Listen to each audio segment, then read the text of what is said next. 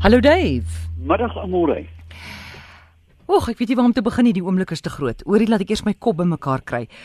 Sal klimaatsverandering, vra iemand hierso, velkanker, hoe sal dit velkanker beïnvloed? Weet jy, ehm um, Amore, ek het 'n soortgelyke vraag op my Facebookblad ontvang. Daar hmm. begin nou so 'n wisselwerking kom tussen ons twee. Maar ehm um, baie dieselfde vraag. Ehm um, en dit is toevallig want ek was juis die week ook by 'n dermatoloog vir 'n paar klein behandelingkies, maar kom ons kyk net bitter vinnig na watter vorms neem dit aan. Die eerste oor ehm um, oor slaat ek nou vas vrou. Oogits. As jy te veel um, ultraviolet kry op jou vel. Ja. Oor blootstelling is die woord wat ek kan soek. Kry mens kerastosis. Nou dit is klein skurwe plekkies. Jy weet daai jy weet jy lyk 'n boer se regterarm wat by die bakkie ja. uithang uh, sulke plekkies wat jy aankrap. Nou ja, dit is 'n abnormale vel uh, selfverdeling en dit kan baie maklik behandel word uh, met um, vloeibare stikstof. Dan is daar natuurlik ook atipiese musies. Mens weet mos die goed beduik neem 'n ander vorm aan.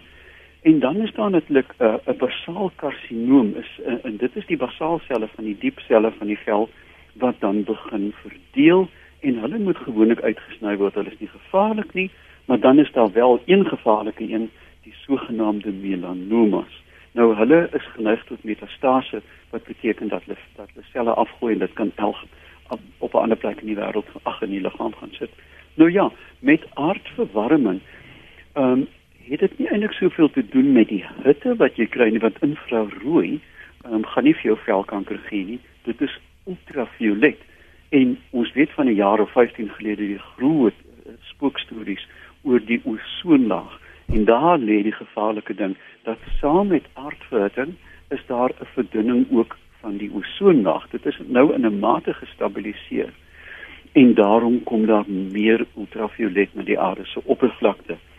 En dit is juis 'n waarskuwing vir blonde mense met blonde hare, ligte velle, rooi koppe is baie geneig tot uh, velprobleme. Ehm um, waar die swart en die donker velle um, het soveel melanien, met ander woorde die donker kleurstof, dat die vel daardeur beskerm word. So ja, dit is nie aardverwarming wat vir jou um, 'n meer blootstelling aan velprobleme gaan gee nie, hmm. maar wel die verdunning van die ozonlaag. So op 'n bewolkte so dag kry jy dit ook. Skus toe? Um, aan almal, jy weet, uh, uh, kry 'n dubbel brandewyn, twee kersse en 'n flits en ondersoek vanaand jou man. Goed, kom ons vat 'n volgende vraag. Chanatheid, goeiemôre. Goeiemôre. Wat ek ek net gaan my radio afsit. Uh dis Johan, Han hier so. Dave luister. Uh, ek het 'n paar werfhoenders hier by my. Ek wil graag by hom hoor. Uh as ek het verskillende soorte hoenders hier so. Ek het Australops en ek het uh Buff Orpingtons en dit. Nou is 'n haan 'n hen bevrug. Hoe lank bly daai eiers uh die uh ah, hoe sal ek nou sê as jy sal hy help bevrug hoeveel hoeveel eiers kan gelê word vir 'n volgende haan moet intree. Och, dit's nie daar. Is dit jou selfoon, Dave? Oh, nee. Nee nee, nie myne nie. O, goed. Kom ons gaan aan. Wil jy sy vraag beantwoord? Ja, ek ek dink ek ek het die strekking van sy vraag. Mm. Ek is nie heeltemal seker nie, maar kyk, ehm um, baie voels kan sperms ehm um, in 'n mate behou in die kloaka want hulle het 'n gesamentlike urogenitale opening en dan kan dit ek ek dink 'n hele klomp eiers bevrug. Dit is nie net dat vir elke eier wat gelê moet word dat 'n haan dan die hen moet bevrug nie. Ehm um, So, ek sal dit 'n bietjie nalees en op my Facebookblad sit, maar 'n mens moenie dink dat 'n haan net, jy weet, hy kan eenmaal 'n mm. paar met 'n hen en dan dink ek in die orde van sekerlik 6 of 7 eiers kan hy bevrug. Fanny van Bouillon vra Is termiete in 'n groentetein 'n goeie of slegte ding? Indien dit sleg is, is daar 'n orga organiese manier om hulle te beheer? Uh, wat is sleg? Termiete in 'n groentetein. Hy vra of dit sleg is. Ja, kyk, termiete is natuurlik ehm um, grasvreters. Hulle sny gras. Daar's veral een familie Hoodoo termis, termis wat grasdraers is. So, ek dink indien 'n mens dan in 'n organiese tuin termiete in 'n mate wil beheer, sal dit wys wees om aan die rand van jou tuin 'n kan mens byna sê 'n onkruidband te behou mm. want hulle sal liewes daarop konsentreer as op jou op jou groente. 'n Mens sien dit in organiese boerdery in Engeland waar um, daar om 'n graanland 'n onbeheerde band van uh, van onkruid is en dit is daar waar die hommelbye, daar waar die spinnekoppe, die mm. liebenierbesies uithang en dan ook 'n positiewe invloed op jou uh, op jou koring het. So, ek dink deur 'n buffer mm. van onkruid en grasies te behou en nie klinies skoon te wees nie, kan jy besmoontlik die termiete se skade binne in die tuin beperk. Goed. 'n Hele paar ander mense vra ook nou hier oor termiete, so ek termiete, ek dink die vraag is daar beantwoord. Chaila tyd, goeiemiddag. Amore middag en middag aan Dave. Ek wil graag uitvind ek bly in Rodepoort. Ons het ongelooflik baie graskrieke en hulle is besig om my gras dood te vreet. En buiten dit is hulle ongelooflik lelik. So ek wil doodgaan as hulle my huis inkom. Hoe kan ek van hulle ontslaa raak sonder om gif te gebruik? Wat is dit? Watter graskrieke? Graskrieke. O, graskrieke. Ja, kyk 'n graskriek lewe. Kan ek by die radio luister? Enige tyd? Hallo? Ja, se ja, luister by die radio. So, hulle kan reuse skade aanrig. Um en groot kolle dood. Jy weet in het, hulle hulle het sulke lyk soos 'n klein molletjie as jy hom optel, 'n wrimmel hy so deur mm. jou hand en jou vingers. Nagare ding ek dink nie 'n mens kan hulle eintlik beheer nie want hulle eers pos gevat het. So, ek dink 'n mens moet dan ehm um, as as as dit die ergste word gifstof gebruik wat spesifiek op hulle gemik is en ek vermoed dit sal 'n piritreen wees wat 'n redelike kort lewensduur het. Moenie lang lewensduur ehm um, grasdodes of of of of hmm. insekdodes gebruik nie. Daar is op die mark organiese piritreen wat 'n baie kort lewensduur het. Charlotte, goeiemiddag. RSG, goeiemiddag. Goeiemiddag. Ek kom maar praat, sit net die radio af. Hallo. Hallo. Ek kom maar gou vinnig met Petrol. Hoe skoon is die boorgatwater? Hoe skoon is boorgatwater? Ah, ja, ek voel ek weet al die begrafplaas se water gaan dit ook nie in die aarde in nie. En dan het ek nog 'n vraag vir Dave. Ja.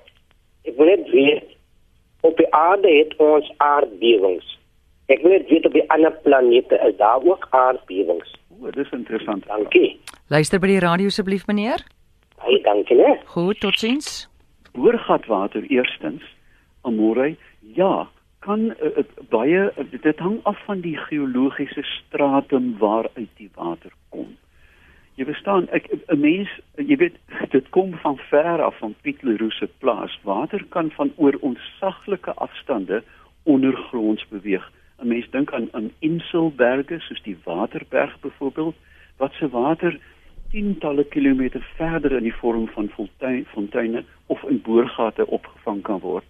So, indien jy 'n begrafplaas naby aan jou het, dan sou ehm um, ek uh, die water eerstens laat toets en as ek nou naby weet sê dat bedoel ek nou 100 meter. Ehm um, 'n mens sou nie 'n boorgat naby aan 'n stortingsterrein wil hê, 'n munisipale stortingsterrein byvoorbeeld nie. Want die loogwater wat daar uitkom kan baie baie toksies wees van batterye en metale ensovoorts. Onthou ook dat grondwater baie hoë ladings van sekere elemente. Jy kry brakwater, bitterwater en ons weet uit Namibië dat die fluoriedlading so hoog is dat mense hierdie bruin vlekke op die tande kry. Kyk, hulle kan koeldrankbottels oopmaak met daai tande, maar dit verkleur. So, ek dink dis 'n baie goeie uitgangspunt om 'n ordentlike watertoets te doen voor jy boorgatwater drink. Goed, hy van watter plekke moet mens probeer wegbly dat jy nie daai boorgatwater drink nie? Een sal nou wees 'n stortingsterrein. 'n Stortingsterrein dink ek is een van die gevaarlikste deesdae, want jy weet die die hm. omvang van hierdie terreine is reusagtig. Jy moet ook daaraan dink aan mynhope. Jy weet die water soos jy al te goed weet uit uh, uit Gauteng dat die water wat uit, uit mynhope kom kan gruwelike gifstowwe bevat. So, hm. ongeag van waar jy is, Ek dink as jy in die hart van die Karoo by Kanawen is, kan jy gerus jou water drink want daar is geen kontaminante daar nie. Maar sodra jy boorgate uh, boorgatwater naby enige menslike bedrywigheid mm. uh, of aktiwiteit, dink ek dis raadsaam om dit te laat doen. Ook naby 'n begrafplaas moet mens daar versigtig ja, wees. Ja, ek sou nie te veel bekommerd wees nie. Meeste van Suid-Afrika se grafte het wel 'n sement uh, en baksteen ehm uh, voering. Jy weet, so uh, jy weet die mm. organiese ontbinding van uh diere en mense is baie is, is uiteraard dieselfde en daar is organismes wat hulle uiteraard ehm um, uh, oksideer en omvorm in kompos. Ek gaan nie te veel bekommerd wees oor 'n begrafplaas nie. Goed. Maar ek gaan wel bekommerd wees oor 'n mynhoop en 'n stortingsterrein. En daai aardbewing storie? Ja, uit die, ja, daar is hewige aardbewings op planete. Nou ons kan uiteraard net praat van die planete wat ons nou al besoek het met uh, bemande tye, maar as jy mens kyk selfs na die verste planete, is daar duidelik tekens van aardbeweging, korsbeweging. So dis 'n onomwonde ja, daar sal wel aardbewings wees op ander planete. Goed, daar's nog kans vir 'n laaste vraag. Charlotte, goeiemiddag. Amore, goeiemiddag. Amanda de Bruin van Kimberley. Ja, Amanda. Ek wil tog net by Dave hoor. Hoe lank vat skilpad eiers om uit te broei? My seun het nou twee skilpaaie daar en die wyfie het nou eiers gelê, maar nou weet ons nie hoe lank vat hulle om uit te broei nie. Goed, dankie Amanda, jy kan luister by die radio. Dave? Amanda, eerstens ek hoop die skilpad eiers is bevrug dat dit nie windeiers is nie. Tweedens, ek is nie seker nie. Gewoonlik ek vermoed dit sal 'n redelike lang tydperk wees, sekerlik meer as 40 of 50 dae in daai orde. Ek gaan ook 'n bietjie nalees en op my Facebook sit. En dan het dit ook baie te doen met die omstandigheid, die grondtoestande waarin die eier gelê is. 'n Mens weet dat seeskilpaaie, ek dink ek is in die orde van 90 dae wat dit neem, uh, maar dan moet die humiditeit en die temperatuur presies reg wees. Hierdie eiers kan langer oorleef as dit 'n droogte is byvoorbeeld of daar's nie genoeg humiditeit nie, maar ek moet 'n uh, ruim erken dat ek nie vir jou presies kan sê nie, maar dit sal dink ek nie minder as 30 tot 40 dae wees nie. Goed, dankie. Dave, en jy gaan nog Marokko toe, né? Ja, dit is my volgende uittog uh, môre in in Junie. Ehm um, ek begin nou baie uitsien. Ek ek jy weet veral ek wat van droë wêrelde hou van mm. landskappe. Ehm um, maar dit is nie net droog daar nie. Uiteraard ons gaan eers teen die kus afry deur byna mediterrane landerye deur die Atlasgebergtes. Ek dink jy was ook daar, nee, mm. die wonderlike woude. Ehm um, en dan teen aan die rand of tot aan die rand van die Sahara woestyn. So as jy Afrika in al sy skakerings kan sien uh, of wil sien althans, uh, gaan kyk 'n bietjie by Live the Journey se se Facebookblad.